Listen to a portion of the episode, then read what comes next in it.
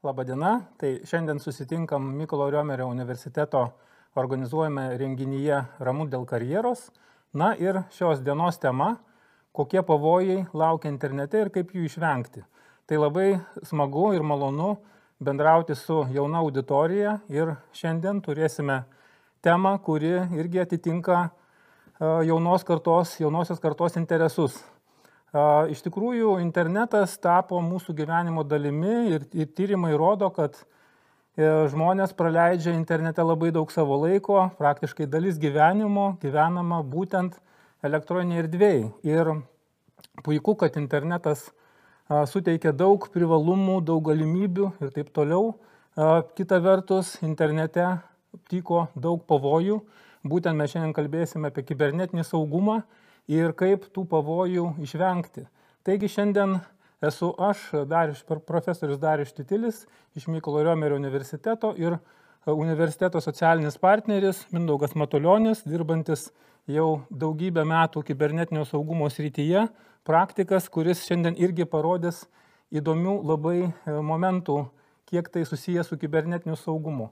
Na, o šiandien mes kalbėsime, ką mes kalbėsime, tai noriu atkreipti dėmesį, kad e, šitie momentai e, dėstomi mūsų universiteto bakalauro studijų programoje technologijų ir kibernetinio saugumo vadyba ir magistro studijų programoje kibernetinio saugumo valdymas. Tai yra, sakyčiau, unikalios programos, kurios suteikia kompleksinės kompetencijas. Tai pradedant IT kompetencijom, vadybinėm ir baigiant teisiniam kompetencijom.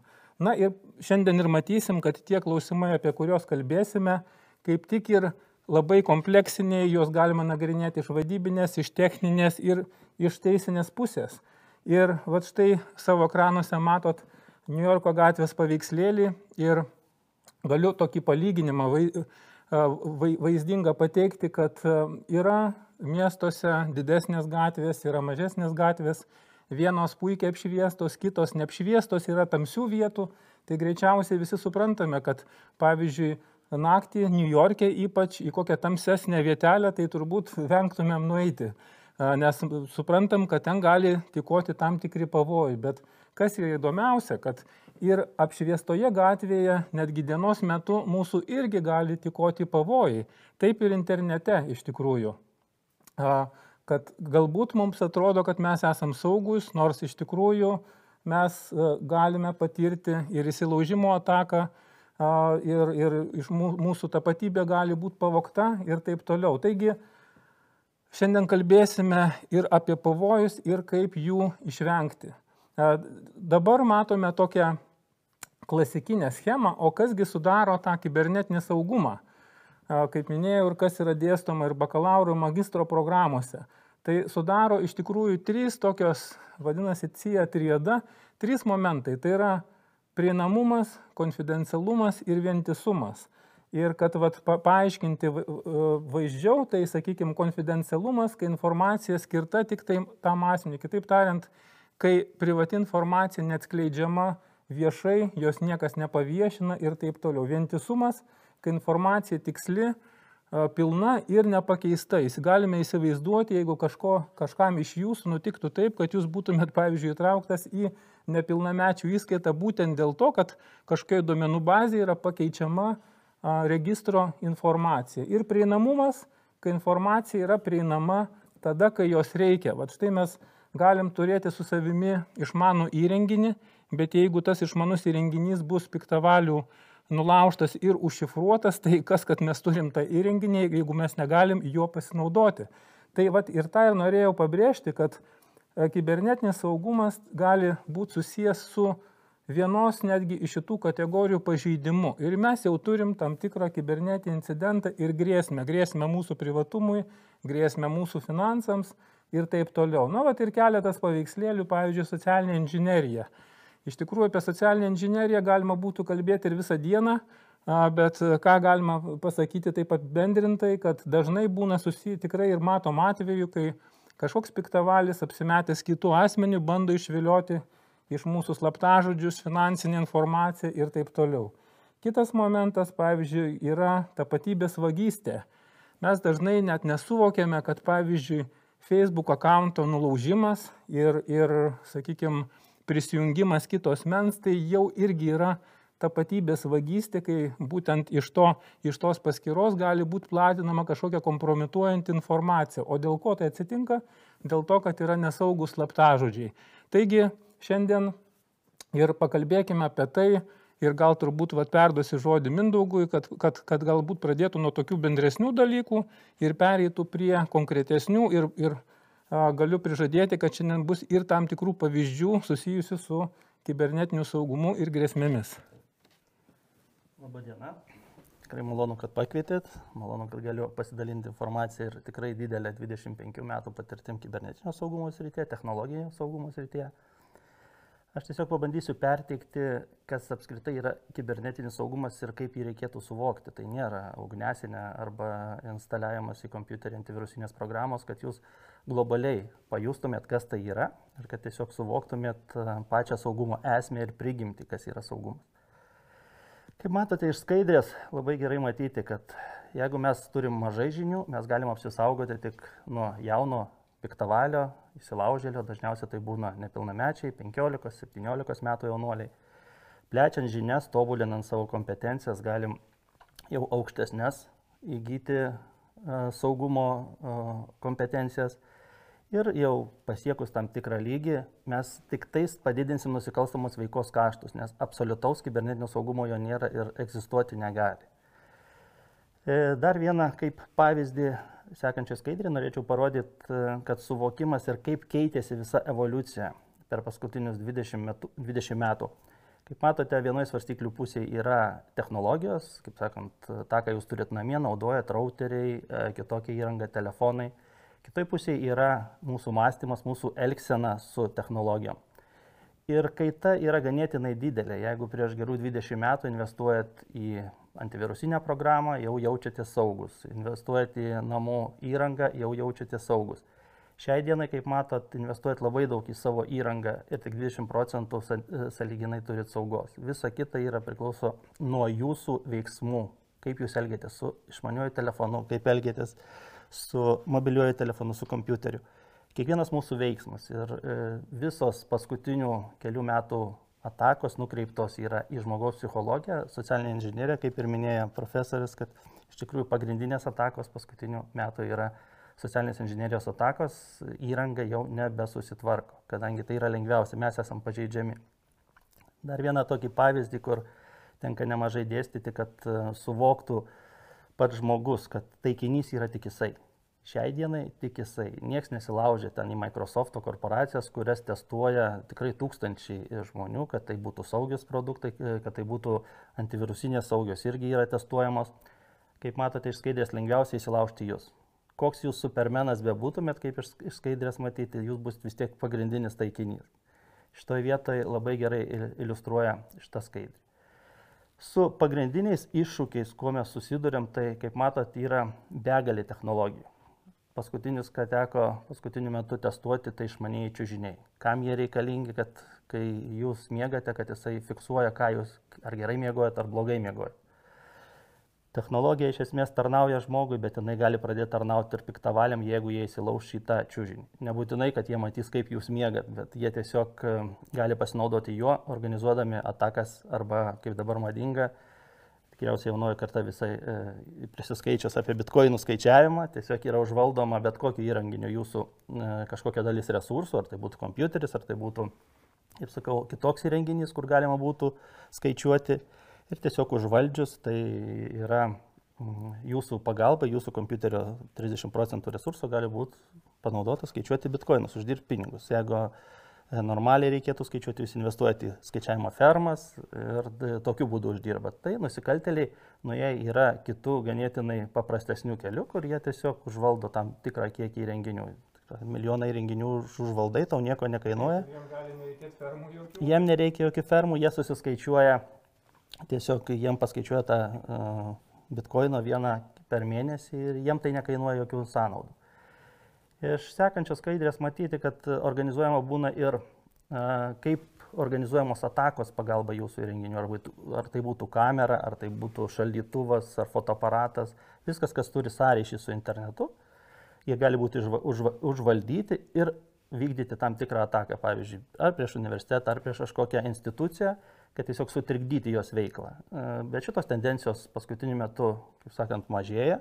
Pagrindė viskas yra nukreipta į bitkoinų skaičiavimą. Paskutinių metų tendencija labai stipriai nukreipta į skaičiavimą, kad tiesiog e, iš teisinės jau pusės, e, nu, jisai žalos jums nepadaro ir sunku bus jį nubausti už tai, kad jisai kažką jums padarė, ar įsilaužė, ar sutrikdė veiklą. Jisai tiesiog pasinaudoja jūsų resursais. Tai per šitą prizmę iš tikrųjų yra atliekama labai daug nusikaltimų ir tendencijos yra tikrai e, nedžiuginančios, kadangi technologijų didėja, Kinijos rinka didelė labai yra. E, paskutinių dviejų, trijų metų tendencijos rodo, kad į saugumą kiniečiai investuoja ganėtinai mažai. Jie parduoda produktą tam, kad uždirbtų. Mes ir perkam, stengiamės nupirkti kuo pigesnę kamerą. E, tai būtent vat, ir universiteto programos padeda bendrą vaizdą susidaryti, tikrai gerai sudėlioja visas vietas, kaip reikėtų organizuoti bendrą kibernetinį saugumą, ne tik tais, kaip sakau, ugnesinę įsidėkti ar e, kitokius veiksmus atlikti. Žmogaus psichologija. At, iš sekančios skaidės bandysiu jums perteikti, kuo mes šiandien gyvenam ir kaip mes bėgam. At, pas patį profesorių irgi bus telefone prijungta iš karto daug visokio socialiniai tinklai prijungti, paštas. Mes skubam, mums reikia, kad mes atsidarom ir būtų čia ir dabar. Taip, nes nu, ne vienas nenori laukti. Tai skaidrė labai gerai atvaizduoja tai, kad mums reikia, kad būtų greita, mums reikia, kad būtų patogu, inovatyvų, pigų. Iki saugumo santykinis laikas yra ganėtinai didelis, kaip matot iš skaidrės, tai um, ganėtinai ilgas laikas. E, tačiau iš paskutinių gal trijų metų mokymų ir statistiką mes bandėm atlikti, išvesti tą vidurkį, kiek e, laiko atima iš žmogaus per dieną, kad jisai pasijustų ganėtinai saugus.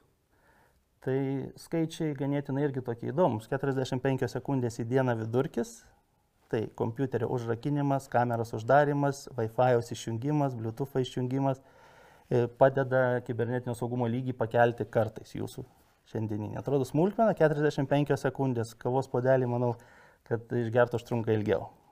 Bet tiesiog žinių pagalba mūsų mąstymą reikia pakeisti, kadangi nu, per gatvę, per raudoną, kad negalima eiti, mūsų mokina, kada pirmoji klasė darželėje mokina, o kibernetinio saugumo kažkodėl mokina tik tais universitete. Taip tariant, va, aš, aš papildysiu, kad Mes žinom, kad reikia atsikėlus ryte įsivalyti dantis, ar ne? Tai hygienos reikalais rūpinamės, Taip. bet o kas moko, kad būtų rūpinamasi kibernetinio saugumo hygiena? Nes dabar pasižiūrėkit, jeigu vaikai, jie dar net nemoka kalbėti, bet jie jau moka dirbti ir nedirbti, bet naudotis planšetėmis ir taip toliau. Jie jau netgi vat, yra tokių atvejų, kai, kai mažas vaikas, beveik dar nevaikštantis, pamato paukštelį kažkur stovinti, žinot, ką jis daro? Jis daro va taip, va. Taip. Reiškia, jis bando priartinti tą vaizdą, reiškia. Vaikai jau nuo pat kūdikystės, netgi, netgi ne jaunystės, nuo kūdikystės, jie tampa vartotojais, ar ne? Taip. Bet uh, jie nėra mokomi, uh, jeigu kalbėt apie tą jaunąją kartą, tų kibernetinio saugumo įgūdžių. Ir Tai iš esmės taip ir e, pati socialinė inžinierija paremta tuo, kad e, man nu, daug teko, aš pats esu ir, kaip sakant, architektas, tenka, kad apsaugoti instituciją kažkokią, teko keletą metų ir valstybė užsiems saugumu, tai kad pastatyti gynybą tu privalai iš pradžių ją pulti, nes tu tiesiog pastatęs gynybą lauksi, kaip įsilauž, taip nebūna. Tu puoli ir per puolimą tu statai gynybą. O mūsų būtent tuos e, pagrindus jau vartotojo pagrindus, kaip reikia naudotis būtent technologijom, turi mokinti darželį. Pradžia būtų. Teisingai, įgūdis turi būti. Nes mes išėjom, mes duris užrakinam, telefoną dažniausiai neužrakinam. Kažkodėl tai. Nors informacija ir namie, ir telefone gali būti to, to, tos pačios vertės. Tai... Bet dar mindaugai, vat vienas momentas, vat, kad suprastų jaunoji karta, o kas gali pulti, vat, kad koks yra supratimas, galvojama dažnai, kad visuomet turi pult kažkoks per nuotolį sėdintis žmogus, ar ne? Bet dažnai puola robotukai, ar ne? Tai vad gal šitą aspektą trumpai atskleisti. E, taip, iš esmės e, per e, spragas, kuriuose yra technologijos arba per programėlės spragas sudėktas, kur jūs parsisiuntėte aplikaciją, taip, įsilaužimas vyksta tik robotizuotai. Niekas rankiniu būdu vienas nesėdės ir nesilauš į jūsų kompiuterį, jūsų telefoną, kadangi, kaip ir prieš tai rodytos skaidrės, E, jeigu kaštai bus brangesni iš tos naudos, na jeigu man pas jūs įsilaužti kainuos, pavyzdžiui, 1000 eurų, o aš iš jūsų ką galiu paimti paštą, parašyti kažkam pajokau, tai nu neverta to. Tiesiog e, suvokti, kad visas atakas, tokias va, pagrindinės, vykdo robotukai. Taip, vien dėl to, kad e, tai automatizuota, tai atliekama tūkstančiai, milijonai bandymų per sekundę netgi. Nes, e, pavyzdžiui, visas internetas yra skanuojamas. Pa, pačiam, ką teko analizuoti, tai pavyzdžiui, Kinija skanuoja visą pasaulį. Tik e, mes nemažai tenka daryti eksperimentų, tik vat, į eterį, kai sakom, į internetą įjungi kažkokį tai serverį, per parą jau jisai būna praskanuotas, jeigu jame yra spragos, jau kiniečiai bando išnaudoti resursus, užvaldo tam pačiam bitkoinų skaičiavimui. Tai kaip matot, iš esmės žinios. Šiai dienai ne technologijos, ne programavimo, ką mes, vat, kaip visi įpratę, kad aš IT jau moku, tai aš jau galiu pastatyti e, saugumą. Ne. Žinios, kaip naudotis, kaip reikia būtent apsirašyti tą visą tvarką, kaip reikia ją valdyti, tai yra grinai žinios vadybinės žinios. Ateina jau kaip uh, pagrindinis dalykas dar po metų dviejų bus pagrindė vadyba ir tik 20 procentų liks technologijos. Taip, ir vat, pavyzdžiui, jeigu kalbėt apie organizacijas, apie įmonės, apie verslo įmonės, tai kokia buvo tendencija, kad e, prisisamdė daug IT žmonių, e, kurie moka tik IT. Jiems reikia kažkas, kad duotų komandą, ką jie turi padaryti, ar ne, kad žinotų kažkas, kaip tą visą valdyti, kad suprastų visą architektūrą įmonės ir, ir, ir, ir mokėtų, mokėtų komunikuoti su visais. Tai, vat, vat... Taip, taip, tai būtent tie architektai ir turi būti vadybos architektas, kuris sugeba pastatyti bendrą įmonės, kaip sakau, įmonės ar korporacijos ar valstybės kibernetinį saugumą, jisai ir turi būti architektas iš vadybinės pusės, kad jisai e, nepaskaičiuotų tiek, kad mes įmoniai į kibernetinį saugumą suinvestuojame milijoną, o uždirbam per metus šimtą tūkstančių. Nes gali būti ir taip. Tikrai va, tas balansas, suradimas čia jau yra vadyba grinai, ne technologinė, o vadyba, kad rizikų valdymas turi atitikti ir būtent e, technologijų panaudojimas tam tikrų, nes absoliutaus saugumo nėra. Tai va, universitetinės studijos, va, galiu pasakyti, to ir pasižymė, kad, kad suteikiam ir tokių konkrečių detalių žinių, bet ir tą platesnį požiūrį. Tai tie specialistai, kurie baigia tas vadybos krypties programas, jie supranta ir IT reikalus, jie žino, kaip valdyti rizikas, kaip jas įvertinti ir žino tą teisinę dalį. Jie pasakys, kur yra padarytas nusikaltimas, kur, kur ne, kur yra privatumo pažeidimas, kur, kur ne ir taip toliau. Tai šiek tiek e, įsiterpiau, leisiu Mindaugui tęsti. Bet labai teisingai pastebėta, kad iš tikrųjų pagrindė vadyba, ateina vadyba, kad nu, gali nuvadybinti įmonę taip, kad investicijos į saugumą viršys pajamas. Tai Būtent ir dabar vadybos irgi... specialistų matosi ir pagal tyrimus, ir pagal ES statistiką, kad būtent trūkumas IT specialistų dabar jau rengiama tikrai nemažai, vis dar jų trūksta, bet būtent vadybos tai kol kas yra va, tokia niša, kur, kur, kur mm, tikrai Taip. laukiamas didelis bumas ir technologijų, kaip va, tie testuotojai, kurie jeigu anksčiau reikėjo turėti 5-7 žmonės vien testuotojų, kad patikrinti instituciją ar įmonę, šiai dienai tu nusipirki programinę įrangą ir jau viskas automatizuota, tų žmonių kiekio nebereikia. Tiek vietoj 5 žmonių dabar užtenka vieno, kuris tiesiog moka dirbti su tam tikrų įrenginiu, kad patikrinti saugumo spragas institucijų. Nebereikia, nes anksčiau reikėjo viską rankom daryti. Nu, technologijos eina ir tas plėtimasis labiau jau į saugą bus būtent iš vadybinės pusės.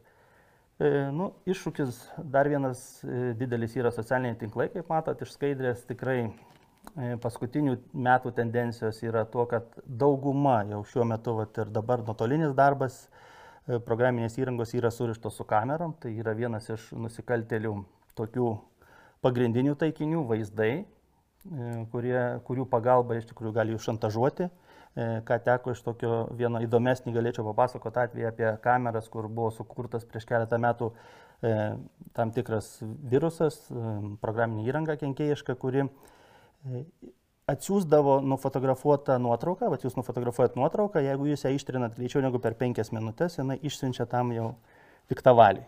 Ne visas nuotraukas, o tik tas, kurias ištrinat per penkias minutės. Ir vėlgi per tą socialinę inžinieriją, per žmogaus psichologiją, būtent tai buvo paremtas vat, virusas, analizuotas, kad man negaut milijono nuotraukų, e, buvo įvertinta ir m, išanalizuota taip, kad per pirmas penkias minutės dažniausiai yra ištrinama atsinoginusių žmonių nuotraukos. Nu, kelioniai, pavedybiniai, kaip sakau, kelioniai. Dažniausiai būna arba atostogų metu fotografuoja vieni kitus nuogi, paskui parodo, nufotografau, prasideda konfliktas ir liepia ištrinti. Tai va toks virusas paremtas e, technologinė ir būtent socialinė inžinierija, kad man milijoną nuotraukų atsirinkti užtruks, taip, aš gaunu jau tikslinės. Kaip matot, nusikaltėliai irgi analizuoja būtent tą e, socialinius tinklus ir analizuoja technologinės galimybės ir psichologinės. E, ką teko matyti iš tarptautinių organizacijų, tai dažniausiai, jeigu tai yra nukreipta prieš jaunimą, būtent prieš jaunus žmonės, tai dirba ir psichologai, kurie išmano jaunimo psichologiją, nusikaltėliai, kurie viską organizuoja. Tai yra, tarptautinės kompanijos turi ganėtinai nemažus resursus, jie pasisamdo ir tikrai teko matyti, kad samdo vaikus net, kad žaistų žaidimus, kuriuos yra užkrėsta programinė įranga. Tai patirtis ganėtinai didelė šitoje srityje ir tikrai tai iššūkį kelia didelį iššūkį, bet, kaip sakant, technologijos nestovi vietoje, bet ir mūsų žinios turi nestovėti vietoje.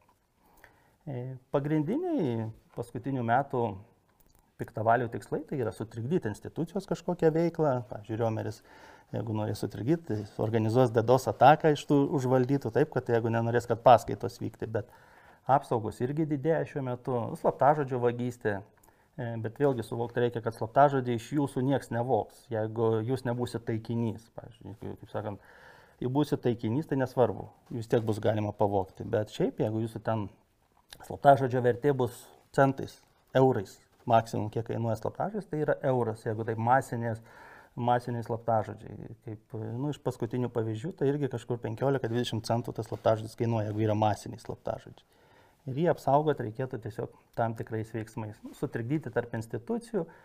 Elektroniniai laiškai, parodysiu pavyzdžių, kaip yra įsilaužiama, kaip tiesiog gyvai per kiek laiko yra iššifruojamas slaptažodis, tą, kurį e, iš jūsų pavogė saugios, konfidencialios informacijos vagystės ir kaip pagrindiniai tikslai yra pinigai, vis dėlto finansiniai e, resursai nusikaltėlėm irgi iš kažko gyventi reikia. Šiaip savo fanatikai yra ir tokie, kur pabando save pasitestuoja, jaunimas pagrindę, bet... E, bet jie turbūt nenukreipti į masinį sektorių, jie taip. nukreipti, kad parodyti, kad jie kažką gali. gali ne? Taip, kaip į kažkokią instituciją. Turi parodyti savo, į, taip. E, kad jisai stiprus yra. Kaip sakant, vieni sportuoja sporto salėje. Nu, iš esmės taip ir yra. Sportuoja vieni sporto salėje, kad parodyt raumenis, jisai sportuoja su klaviatūra, kad parodyt savo kitus raumenis, kad jisai sugeba kažkur įsilaužti. Ir e, parodysiu paprastą pavyzdį, per kiek galima būtų įsilaužti, čia gyvai vat, pademonstruota, per kiek laiko piktavalis iš bet kurios pasaulio krašto gali užvaldyti nesaugų puslapį. Tiesiog jisai atlieka tam tikrus veiksmus, jeigu puslapis nėra apsaugotas, pavyzdžiui, jūs jungiatės į kažkokį puslapį ir suvedinėjate slaptažodį. Nu, kad e, reikėtų, forumai dažniausiai būna tokie, jų, į jų saugą praktiškai niekas neinvestuoja jūs prisijungiat prie, suvedat savo slaptažodį, naudojatės to forumu.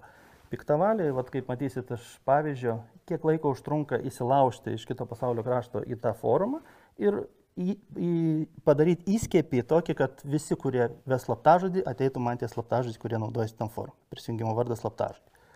Tai kaip matote, čia užtrunka iki minutės, viskas, šitas puslapis yra pilnai užvaldytas, jeigu jis yra nesaugus, kaip um, tokių puslapių yra, mes nešnekame apie tūkstančius, tai yra tikrai labai daug puslapių, kurie yra dar neapsaugoti. Todėl kiekvieną kartą, kai vedat savo prisijungimo vardą ir slaptažodį, man turite žinoti, kad tikrai jis yra saugus.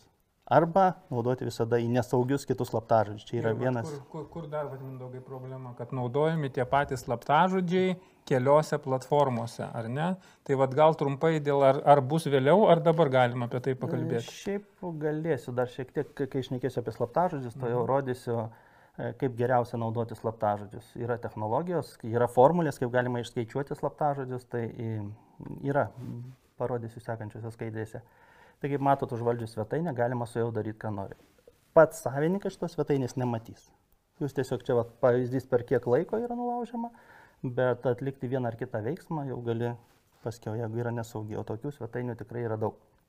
Dar vienas iš šių dienų m, mm, tokių baubų didesnių, tai yra bevėlis internetas, kuris iš tikrųjų yra, nu, šiai dienai labai nesaugus nors mes turim visi e, nešiojamus telefonuose dažniausiai neribotus interneto srautus, bet vis tiek visi jungiamės iš to įpročio, kad yra greičiau, kad tai yra patogiau prie bevėlių tinklų ir jų sauga, kaip bebūtų gaila, bet yra labai labai žemo lygio, kadangi tai technologiškai yra labai sunku apsaugoti. Bet turbūt bevėliai, na, turime omeny, kad tiek, pavyzdžiui, gali mieste būti ar ne, taip, taip, tiek namuose, vat, vat, kur, kur dažnai nesusimasto, kad namų tinklas yra pakankamai nesaugus, ar ne? Taip, bet tik namų tinklą reikėtų, jeigu atlikti, vat, kaip dabar parodysiu iš pavyzdžių, vieną ar kitą veiksmą, man reikėtų atsidurti tarp jūsų ir jūsų įrenginio. Jeigu aš noriu tiesiog e, lengvai pavokti jūsų vat, prisijungimo slaptažodį, parodysiu.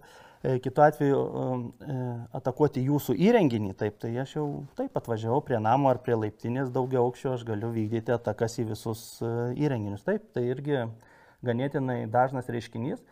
Maža to, kad jisai užvaldys jūsų routerį atliks vieną ar kitą veiksmą, bet jisai gali iš jūsų routerio atlikti nusikaltimą kitam pasaulio krašte. Ir tada jūs... Tada kur policija ateis? Taip, policija ateis pas jūs, o tada jūs teisiškai bandysite įrodyti, kad jūs nekaltas. Čia vas yra irgi teisinis ir to aspektas ganėtinai jautrus. Ir dažniausiai nusikaltėliai vykdo netgi taip ne per vieną, iš vieno routerį jungiasi į kitą routerį, į trečią, kad e, sąžiningų žmonės dažniausiai va, taip tokiu būdu yra pakišama, galima sakyti, kad jie atsakys už tos savo veiksmus. Tai vat, pavyzdėlis, kaip jeigu jūs dabar čia naudotumėtės prisijungę čia dviejų metų senumo įrašas, dabar jau susitvarkė čia, mes testavom vieną uh, universiteto irgi svetainę, jeigu jie jungiasi prie pašto, tiesiog jūs jungtumėtės dabar prie pašto, aš atsiraščiau čia, už manęs yra kažkur Wi-Fi įrenginys, kiek laiko užtrunka man perimti tą slaptažodį, kai jūs vedėt prisijungti prie universiteto tiesiog e, savo pašto universiteto, jeigu aš atsidursiu tarp jūsų ir būtent įrenginių. Lygiai tas pats galioja ir kavinėse, dažniausiai Europoje nėra tai pažengę su ta sauga e, stipriai.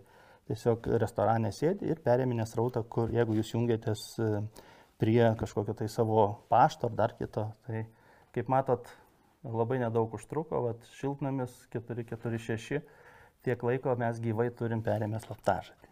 Tai čia mes šnekam apie vienu metu galima masinius tokius dalykus, jeigu restorane sėdi, pasiemi vieną, antrą, trečią slaptažodį. Tai va dėl to turbūt ir kokios būtų rekomendacijos dėl, dėl sakykime, pavyzdžiui, oro uostose ar ne, tu niekada negali žinoti, ar, ar tas Wi-Fi ar ne, ar, jo, ar nepastatė kažkoks piktavalis tos dėžutės. Ir, ir... Taip, tarp kitko nebūtinai rastis yra uh, pačiam, piktavalis padeda dėžutę ir jisai stebi visą srautą iš kito pasaulio krašto. Rekomendacija labai paprasta. Šiaip jungtis ten, kur reikia suvesti slaptažodį, jungtis iš mobilių duomenų. Niekada nesijungti iš Wi-Fi, su labiau. Ypač net neatsidarinėti kažkokių taip, jautrių, taip, kur taip, reikia didelės apsaugos. Šita vieta yra labai, iš esmės yra labai jautri, yra, kadangi nu, jūs dažniausiai oro uoste praleidžia daug laiko. Keliauja vėlgi turtingi žmonės, dažniausiai, kurie arba ten bankinius pavedimus būna daro, jungiasi prie pašto. Tai yra vienas iš e, dažniausiai naudojamų įsilaužimo būdų, kadangi nu, žmogus tuo metu nebegalvoja, jam čia lėktuvas, jam čia jungtis, nėra laiko apie saugą, tuo metu vėlgi yra socialinės psichologiniai dalykai. Taip, psichologija. Bet čia yra atvirų tekstų, kaip matot, greitai. Dar vienas e, toks pavyzdėlis būtų, kai galima užkeisti tekstą, ką teko gyvai e, daryti keletą kartų, kai reikėjo e, tokią masinę socialinę inžineriją padaryti, kad žmogus pradėtų jungtis prie savo banko sąskaitos. Tai kaip pavyzdys, įsivaizduokit, čia pusė, kur Google'as tai yra jūsų ekranas, o šalia čia tiesiog sudėjom dvi jūsų ir piktavalio ekraną kad matytumėt, jūs tiesiog skaitot Delfį, pavyzdžiui, taip, arba kažkokiam kitam tinkle esate ir mm, jum akimirksniu užkeičia tekstą, čia šiuo atveju aš parodau, kaip nuotrauka užsikeičia gyvai, aš nesi, nesijungiu prie jūsų kompiuterio, jums tiesiog užkeičiu tame sraute vaizdą. Ir pavyzdžiui, ką teko gyvai, yra straipsnis, kad, pavyzdžiui, bankai traukėsi iš Lietuvos, prisijunkite prie savo banko. Viskas, ta visas rautas eina per mano kompiuterį, jūs suvedat net savo generatoriaus kodus, aš tiesiog ištuštinu jūsų sąskaitą. Tai va tokių dalykų irgi reikia vengti. Dar ką norėjau Atsekantis pavyzdys būtų apie saugos suvokimą, kas yra saugumas, nes tenka nemažai audituoti institucijų. Patys saugos suvokimas yra ne technologinis, o vadybinis vis dėlto. Mes vadybą mes privalom apsirašyti per vadybos prizmę, kaip mūsų veikia visas tinklas, kokios yra ugnesinės. Nes techniniai žmonės tai jums patikrins, kaip veikia ugnesinė, kaip veikia serveriai, kaip veikia kompiuteriai, bet jie nepatikrins bendro viso vaizdo. Tai vad būtent ir pagal taisyklės, pagal e, netgi yra reikalavimai, jeigu viešajam sektoriui, tai pagal reikalavimus privalo susitvarkyti tam, kad, kaip matot, per bet kurį iš šitų įrenginių, printerį, kamerą, paštą, telefoną, per jūsų mąstymą, per socialinę inžineriją ir kitus įrenginius galima sugriauti visą tinklą. Todėl ir yra būtina iš vadybinės pusės mokėti tą architektūrą, pastatyti visą tinklą, ar tai būtų įmonė, ar tai būtų valstybė, ar tai būtų tarptautinė korporacija. Taip, ir, ir, ir svarbu suvokti grėsmės, kad, kad jeigu mes turime spausdintuvą, kuris prijungtas prie namų, namų sistemos, ar ne? Tai būtent tas spausdintuvas ir gali būti grėsmės. Taip. Per, per jį gali, tai gali būti silpna vieta. Aš jums net pavyzdį iš savo praktikos galiu labai paprastai pasakyti. Žmogus naudojo namie spausdintuvą, dažniausiai jisai turi Wi-Fi, teisingai, jisai aktyvuotas, tai ataka vykdė į spausdintuvą per Wi-Fi buvo vykdoma, kad už, užvaldyti tą spausdintuvą, o paskui atlikti kitus veiksmus. E, dar parodysiu porą pavyzdžių elektroninio pašto, kur, pavyzdžiui, žmonės nesusimastė, va čia iš tokio, kur teko išsiųsti virš tūkstančio laiškų ir e, atrodytų paprastas laiškas, kurį paspaudė 800 žmonių iš tūkstančių. Ir kai mes padarom statistiką, kas, e, kodėl jie spaudžia, Tai, pavyzdžiui, šitą vietą, vat, kaip matot, iš laiško turinio matyti, kur yra spec informatorius, vardenė, Petras Upelis, tokio negali būti. Bet žmonės šitų vietų, kur jau čia mes bandėme ištestuoti, ten kiek žmogus psichologiškai gilinasi į paštą. Jam svarbu buvo čia, kad nebus mieste vandens. Ir netgi paspaudė tie žmonės, kurie gyvena ne Vilniuje ir paspaudė tie žmonės, kurie vandenį iš šulinio naudojasi. Bet psichologiškai nebus vandens, jisai jau spaudžia. Ir kaipgi atrodo tas įsilaužimas į paštą, Šitoj vietoje čia yra jūsų elektroninis paštas, e, kitoj pusėje, kitam pasaulio krašte yra nusikaltelis, kuris e, bando įsilaužti į, atsiųsti jums laišką užkrėstą, kaip tai atrodo. Tiesiog gaunat užkrėstą PDF failą, ar tai būtų Wordas. Taip, ir šitoj vietoje ugnesinės net ne visos sugeba atpažinti tokį kenkėjišką kodą. Jūs tik paspaudėte, vat, akimirksniu mes paspaudėm geltonoj, e, vat, geltoni skaičiai, tai yra tas užšifruotas, taip vadinamas slaptažodis kešas visas. Taip, čia užtrunka į kitą pasaulio kraštą išsiųsti jūsų slaptažodį ir dabar per kiek laiko išsišifruoja, vat, kaip matysit, su paprastu būtiniu namų kompiuteriu, jeigu teisingai pasirašo nusikaltelis, jie naudoja žodinėlius, niekas nesėdi rankom, Taip. neparinkinėja, kad suvokti yra, e, lietuviai dar turi tą, kaip sakant, pliusą saugoje, kad mes galim lietuviškai naudoti lietuvių kalba tai yra privalumas. Tai šitoje vietoje irgi. Ir per kiek laiko gyvai išsišifruoja slaptažodis, prašom, šiltamis 447, matos slaptažodis ir šitoje vietoje jau jungiamės, aš pavogiau iš jūsų e, prisijungimą prie Office 365, viskas aš esu jūsų pašte dėl vieno paprasto paspaudimo tam, kad mes neatsakingai paspaudėm būtent užkrėstą failą. Tai šitoje vietoje irgi, e, bet čia e, šitas dalykas jau technologiškai apsaugot neina. Taip, per tvarką. Čia jau žmogaus Taip budrumas ar ne, ir, ir jis turi ką, ką tikrinti, kaip vat, identifikuoti, kad vat, ir jaunam žmogui, kuris turėtų atidarinėti, kur, kur nesaugu. Šiaip, dažniausiai reikia atsidaryti paštą tą, kuris, iš kurio jūs laukit žmonių pašto. Taip, neiškių paštų, kaip sakau, nu, dažniausiai įmonės daro, vat, arba vat, universitetas dirba su turima RAU paštą. Taip. Tai jeigu jums ateina informacija nesusijęta su jūsų darbu ar su jumis, jos geriau netidarinė. Netgi dar daugiau pasakysiu, kartais ateina iš pažįstamo žmogaus, matai, kad yra priedas, Taip. bet ten toks iš karto kažkoks keistas tekstas, ar ne? Arba yra klaidų tekste, arba jisai ne, ne toks, koks turėtų būti. Vat čia jau yra iš karto uh, E, taisyklė pagalvok prieš atidarydamas. Taip, aš kažkada buvau pasiūlęs vienoje organizacijai, kad jeigu ateina e, laiškai, nu jie didelį kiekį gauna laiškų ir matot, kad yra gramatinių klaidų, neatsidarinėkit. Atsakymas buvo paprastas, mes 50 procentų neatsidarysim irgi kitą vietą dėl raštingumo. Tai čia jau kita yra bėda. Ir ką tenka būtent e, nusikalstamos veikos, mod, e, veikos modeliai dirba labai paprastai. Jie tiesiog e, vat, iš skaidrės labai gerai matyti, kaip išsiunčiama laiškai, kaip užvaldomas slaptažodis, toliau persiunčiami laiškai dažniausiai būna, kas gali atlikti finansinį pavedimą, perėmamas susirašinėjimas, daro pavedimą buhalterė arba sekretorė, nu ir bankas, toliau bitkoinai.